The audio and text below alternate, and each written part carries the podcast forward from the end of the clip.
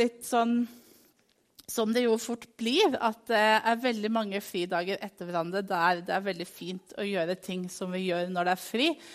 F.eks. å gå tur eh, og spise Kvikk Lunsj. Eh, enorme mengder med Kvikk Lunsj og litt appelsin, som jeg tenker er den sunne varianten av Kvikk Lunsj. Eh, og egg. Og eh, jeg har vært mye sammen med broren min og på tur med venner. Og så kom jeg hit i dag, og så kom jeg på at eh, det er jo egentlig dette påsken handler om. Og det hadde jeg nesten litt glemt i all Kvikk Lunsjen og eh, eggene og appelsinene. Og så er det akkurat som man liksom krasjlander litt i den der, Å ja, nå er vi her. Nå skal vi feire gudstjeneste. Det er første påskedag. Jesus stått opp fra de døde. Og så kommer jo alle de spørsmålene som jo fort melder seg når man kommer til kirke. Det er sånn der, ja, Er det søndagsskole? Jeg bare sånn, Nei, jeg vet ikke. Eh, har noen lagd sånn bulletiner som vi skal dele ut i døra? Sånn, nei, vet ikke. Vi har påskeferie. Eh, men jeg og Lars Kristian vi har heist flagg. Jeg håper dere la merke til det. vi fant flaggline et sted. Men så tenker jeg at det sånn var på en måte min opptakt. Eh, veldig pastoral og from eh, til denne første påskedag. Og så tenker jeg at nå er vi her. Eh, og dere er her. Eh, og så er jeg så glad for helt ekte glad for at eh, vi kan feire påske sammen som menighet. Og så tenker jeg Hvis vi ser, ser, litt rundt dere på de andre som sitter her, så er vi på en måte her sammen. Og Grunnen til at vi kommer i dag og at vi kommer hver eneste søndag, er nettopp pga. påske, for at Jesus døde og sto opp igjen. Og det er det vi feirer i dag, det vi feirer hver søndag når vi er sammen, og i dag spesielt, at Jesus har stått opp fra de døde, og Jesus har vunnet over døden. Og hver eneste gudstjeneste så feirer vi oppstandelsesdagen, og i dag mer enn noen gang, tenker jeg. Eh, og noen av dere har kanskje levd i påskeuka hele denne uka og lest palmesøndagteksten på forrige søndag og skjærtorsdag med nattverden som ble innstifta, og langfredag eh, når Jesus døde, og den lange påskeaften når Jesus faktisk er død, og alt måte, er gått til grunne på mange måter. Og så i dag så er det på en måte når Jesus står opp igjen. Og noen har ikke det. Noen har på en måte kommet snublende inn døra. Det er greit. Men nå er vi her, og nå handler det om at Jesus har stått opp igjen som er det ene og sentrale i Kirkens tro. Og vi har jo den taleserien nå som handler om trosbekjennelsen. Og i dag så handler det mest av alt om at jeg tror på Jesus Kristus, som sto opp fra de døde tredje dag. Og det fins det jo noen motforestillinger mot. Jeg vet ikke Det er ikke vanlig at folk står opp fra de døde. Det må det jo være lov til å si. Og jeg tror at som kristne så er vi så vant med å snakke om Jesus sin oppstandelse fra de døde at det egentlig ikke lenger overrasker oss. Så vi vet på en måte fasiten. sånn at det, er litt sånn der, ja, Så døde han, og så sto han opp igjen i tredje dag, og så viste han seg liksom for disiplene, og så bla, bla, bla. Så, men hvis vi tenker litt, altså Jesus står opp fra de døde. Og for eh, noen ganske mange år siden så jobbet jeg noen år i en menighet i Narvik i Nord-Norge som barne- og ungdomsarbeider. Eh, og der var det bl.a. veldig mange utenlandske studenter, fra, mange fra Kina, fordi at Høgskolen i Narvik hadde sånn samarbeidsavtale med et universitet i Kina. Veldig mange av disse kineserne de kom til vår menighet mest fordi at eh, som kristne så er man litt sånn dumsnille, og så gir vi dem mat, og så får de snakke norsk, og så er det så fint at det um, Og så var det jo mange av de som kom ofte. Eh, og så hadde vi en sånn derre eh, bønne, altså bønnemøte hver torsdag, nesten sånn som vi har her. Eh, og så var det ei av disse kinesiske studentene som kom en sånn torsdag. Litt tror jeg mest av alt fordi at hun hadde misforstått konseptet. Altså hadde ikke skjønt forskjellen på bønnemøte på torsdag eh, og gudstjeneste med kirkekaffe på søndag, som på en måte var nok der hun egentlig hadde tenkt seg. Men så ble vi sittende og snakke, eh, og så viste det seg at hun har jo egentlig aldri hørt om Jesus, hadde lest Bibelen. For det, når man bor i Norge, så tror vi at alle vet like mye om bibelhistorien som det vi vet, men det er ikke sant. Eh, hun hadde aldri hørt, så vi begynte å fortelle om Jesus som ble født, eh, at han var Gud, eh, stallen. Og det i seg selv kan jo være litt problematisk at Gud er konge og kommer i en stall hvis man på en måte er en stakkars kinesisk student. Men så var hun liksom med på at Jesus var en stor lærer, fortalte om alle miraklene som han hadde gjort, eh, om alle han underviste, og så syntes hun på en måte at, eh, at Jesus måtte være en veldig stor mann.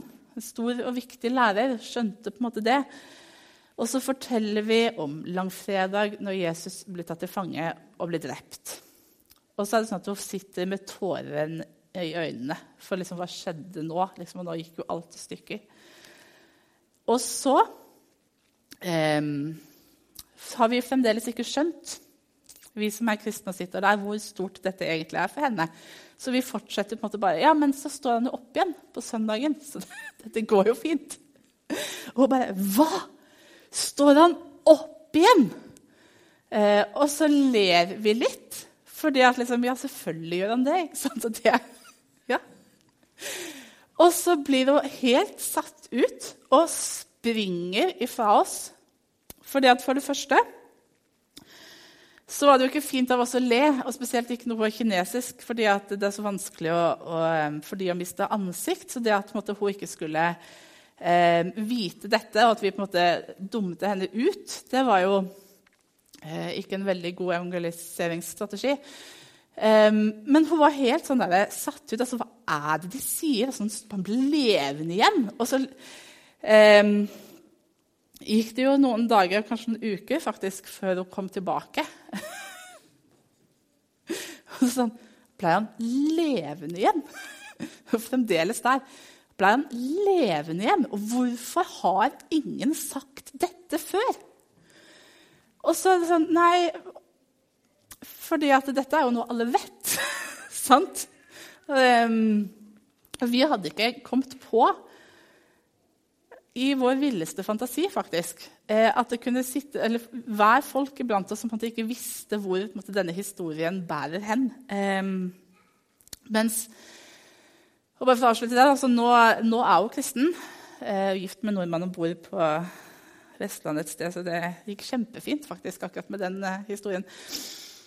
Men eh, det er første gangen jeg har vært med på å fortelle evangeliet for noen som overhodet ikke vet hvor denne historien bærer hen. Og det er første gangen noe med å få det speila tilbake. At jeg tenker, Selv om jeg ikke har vokst opp i en kristen familie, så har jeg jo helt ifra jeg var liten, visst hvor denne fortellingen ender når man snakker om Jesus. Man vet det.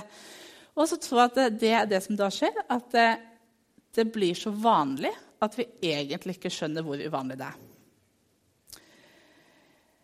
Og så er det jo sånn eh, at de første kristne var jo heller ikke dumme. Altså, de jo skjønner jo eh, konseptet med at de som er døde, er døde og vanligvis forblir døde. Sånn at eh, i møte med de som er rundt seg, så har jo også de første disiplene og de første kristne et behov for å holde fast ved at Jesus har stått opp fra de døde. Og Paulus han kan jo være ganske hard noen ganger. Så han i, skriver han til menigheten i Korint, 1. Korinterbrev kapittel 15 vers 14. Men er ikke Kristus stått opp, da er vårt budskap tomt, og deres tro er også tom. Sånn at eh, hvis Jesus ikke har stått opp fra de døde, altså hvis vi tenker at det ikke er sant, så er alt dette som vi holder på med, bare tull. Altså, da holder det ikke å si at Jesus var en fin mann, og Jesus hadde så mye lurt han sa. Han var en god lærer. Um, han gjorde mye bra. Um, sånn som hun kinesiske jenta først tenkte. Fordi at ja, det gjorde han så lenge han levde. Gjorde mye bra, og han gjorde mange under. Men hvis han sier at han skal dø og stå opp igjen, og ikke gjør det, eh, så er på en måte alt eh, bare tull. Og da er det bare en løgn, og da har ikke vår tro noe innhold. Så det er vesentlig for den kristne troen at Jesus faktisk har stått opp fra de døde. Eh, det er det som på en måte, vi på en måte trenger å bevise. Og så er det jo nettopp det det ikke går an å bevise. Jeg skulle ønske at, eh, at det hadde vært mulig, at man kunne på en måte ha slått opp en sånn Se her. Eh, dette er et uh, ugjenkallelig bevis på Jesus' oppstandelse, men, men det går ikke. Um, vi kan ikke bevise at Jesus stått opp fra de døde.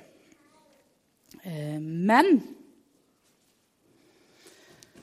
det beste beviset vi har, tenker jeg, uh, og som gjør dette troverdig for min del og for vår del, og som gjør at jeg på en måte kan tro det og si det til andre, det er Kirken. Oss, vi som sitter her. Um, først og fremst disiplene til Jesus, tenker jeg, som fulgte han i tre år, eh, som så alt han gjorde, og som møtte han flere ganger etter så han sto opp igjen. Disiplene som vi vet var redde og forvirra, og som stakk av når Jesus ble tatt til fange, men som noen dager etterpå er så overbevist om det de har vært med på, at det virkelig er sant, at eh, alle som nær som én velger å gå i døden for det de tror på. Det er kun Johannes som dør en naturlig død. Alle andre dør som martyrer for sin tro. Det tenker jeg at Hvis disiplene ikke hadde trodd at Jesus sto opp fra de døde, så hadde de ikke vært villige til å gå så langt. Vanligvis hvis man skal måte bevise at Jesus ikke har stått opp fra de døde, så pleier man å si at det mest sannsynlig har disiplene stjålet liket eh, og lyver om at han har stått opp igjen.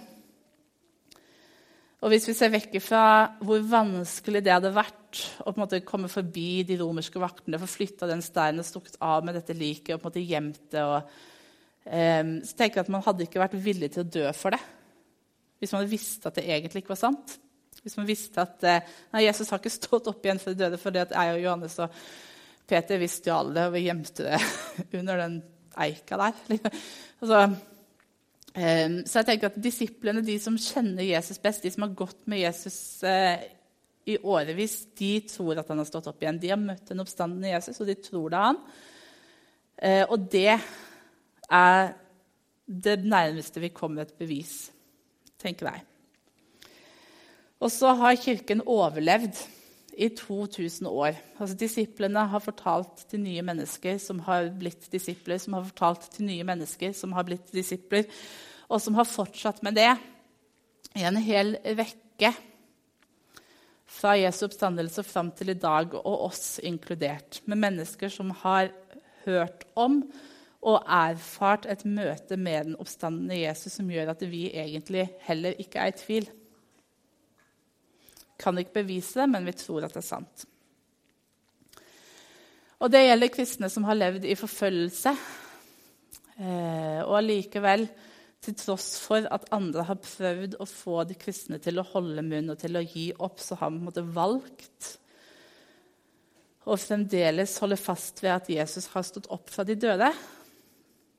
Og Det tenker jeg er ikke fordi vi kan bevise det, for at kirken noen gang kan bevise det, men det at man har kristne som har opplevd at de har fått et møte med en oppstandende Jesus, som, som, våger å holde fast på det også i møte med forfølgelse og med døden, blir et bevis på at Jesus virkelig har stått opp. For hvis Jesus ikke har stått opp, så er vårt budskap tomt, og vår tro er tom. Men hvis Jesus har stått opp, så har vårt budskap noe å komme med, og da har vi en tro med innhold. Og Paulus er også inne på dette når han skriver litt seinere eh, til menigheten Korint. Og det jeg det er en av de første bekjennelsesskriftene eh, som antagelig er brukt i menigheten. Altså, Paulus siterer her noe som antagelig har vært brukt som en trosbekjennelse hos de første kristne. Sånn, eh, først og fremst overga jeg til dere det jeg selv har tatt imot. At Kristus døde for våre synder etter Skriftene at han ble begravet, at han sto opp den tredje dag etter Skriftene, og at han viste seg for Kefas, altså Peter, og deretter for de tolv. Og så sier Paulus Deretter viste han seg for mer enn 500 søsken på én gang. Av dem lever de fleste ennå, men noen er sovnet inn. Så allerede i den første kirka, hvor de har formulert denne bekjennelsen på at Jesus har stått opp for at de vet at dette er det viktigste i den kristne troen, så sier Paulus at eh, han har vist seg for Peter, som dere kjenner, og for de tolv, som dere kjenner, for mer enn 500 mennesker på en gang, hvorav de fleste fremdeles lever. Det akkurat som Paulus sier, gå og spør dem.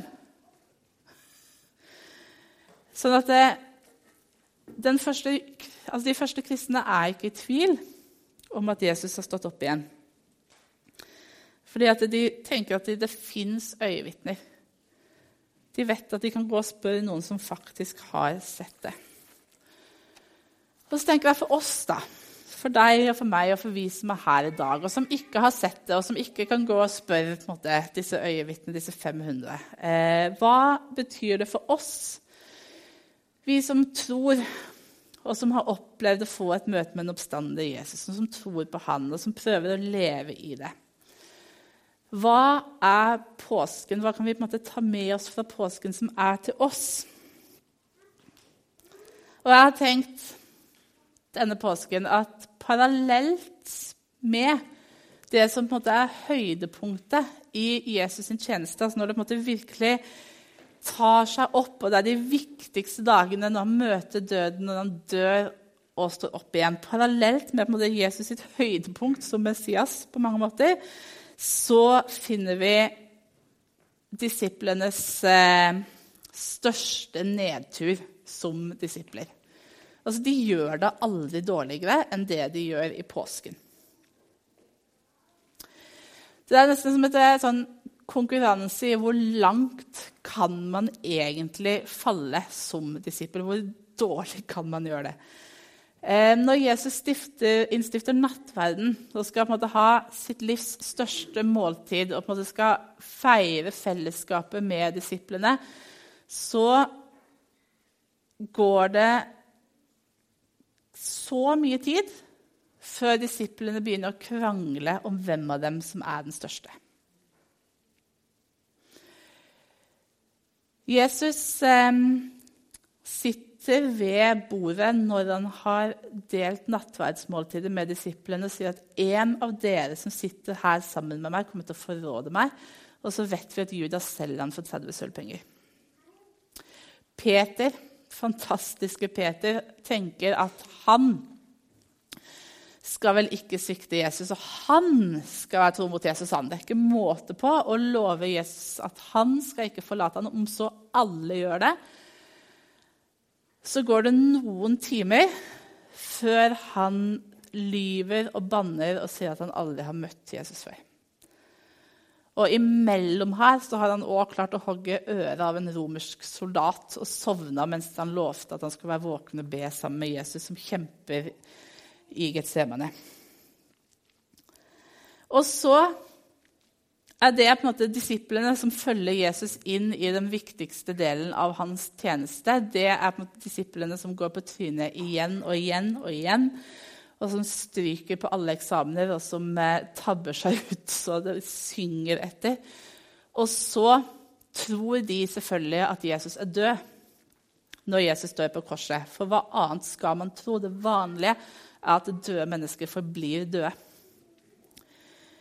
Så møter de den oppstandende Jesus på første påskedag. Så kunne man jo tro at når de da møter den oppstandende Jesus, at han kan være litt sur og irritert på at disse disiplene og vennene hans måtte ikke klare bedre. At de ikke presterer litt bedre da, når han virkelig trenger dem. Og så møter han dem med en fredshilsen, og så gir han dem håp. Han er ikke sint, han er ikke skuffa. de må ikke bevise at de er noe, men Jesus står der og sier han, 'Fred være med deg, Maria', som først møter han ved graven. forvirra. Som tror hun skal komme til graven og stelle den, og så møter hun oppstanden og bare sånn Hva skjedde her? Sier Jesus, 'Fred være med deg'.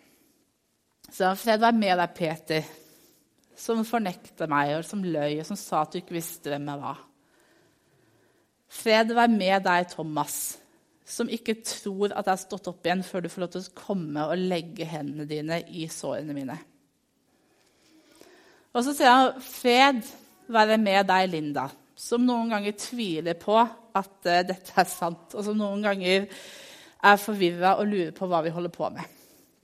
Og som er sliten og lei og tenker at det må finnes noe annet og bedre å gjøre eh, enn å stå her en første påskedag. Og så er det på en måte det som er Jesus' sin hilsen til alle oss som er her. Fred være med deg. Fordi det er sånn den oppstandende Jesus hilser sine disipler. Så vi tror på Jesus som sto opp fra de døde den tredje dag. Og så møter disiplene sine med fred. Og det er det som gir meg håp, og det som kan gi oss håp. Og da tenker jeg det er håp om et evig liv. At det livet som vi kjenner her og nå, det er ikke alt.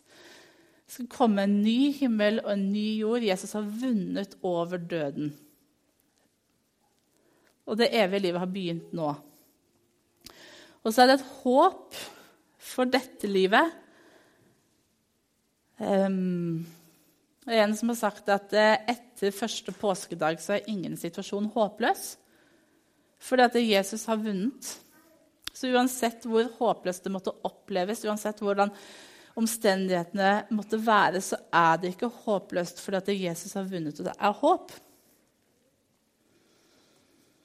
Og så har han sendt oss, disiplene, ut for å dele dette håpet med andre.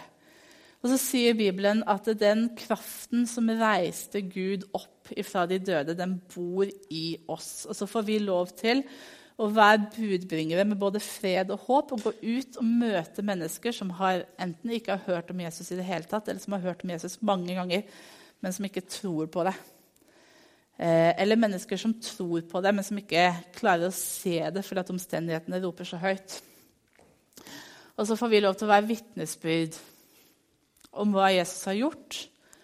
At Jesus har stått opp igjen, at han har vunnet. Og det har noen konsekvenser for mitt liv her og nå, fordi at jeg blir møtt med fred og med nåde, og jeg får lov til å være, bære ut dette håpet og dele det med andre. For den samme kraften som reiste Jesus opp, bor i oss. Så er det som Paulus sier, at hvis Jesus ikke har stått opp, så er vårt budskap tomt, og vårt tro er tomt. Men siden Jesus har stått opp, så er det denne kraften vi har i oss, det er dette håpet og denne freden vi får lov til å gå med. Og jeg tenker er det som er påskebudskapet til meg og til oss. For det første at vi kan få lov til å ta imot, og for det andre at vi får lov til å dele det Jesus har gjort i påsken. Og få lov til å være kristne og en kirke som sier med frimodighet, også når livet er vanskelig, at vi tror på Jesus Kristus, som sto opp fra de døde tredje dag. Skal vi be. Kjære Jesus, jeg har lyst til å takke deg for at vi får lov til å komme sammen som menighet og feire påske. For at vi kan få lov til å minnes det som du gjorde. At du som hadde blitt menneske, du valgte å møte døden og seire over døden. Og at du har vunnet. For at når du på korset sier at det er fullbrakt, så er det fullbrakt. Det er ingenting vi kan gjøre som er legger til eller trekker fra, men du har gjort det som var nødvendig for at vi skal kunne bli, få leve i fellesskap med deg. Takker deg for at eh, påskebudskapet er et eh, budskap om seier, om fred, om håp. At eh, det vitner om at ondskapen ikke fikk det siste ordet At eh, døden ikke fikk det siste ordet, men at eh, du fikk det siste ordet, at du har vunnet. Takk for at eh, vi kan få lov til å få del i din seier. For at du har sagt at den kraften som reiste Jesus opp fra de døde, den bor i oss. Det er det vi får lov til å ha med oss når vi møter vår familie og våre venner og våre kollegaer og de som vi har i vår nærhet, som ikke kjenner deg, som ikke tror på deg, som eh, kanskje trenger å få et møte med deg. Jeg synes jeg ber om at eh, dette skal bli stort og levende for oss. Må du vise oss eh, hvem du er, og hva vi har i deg. Amen.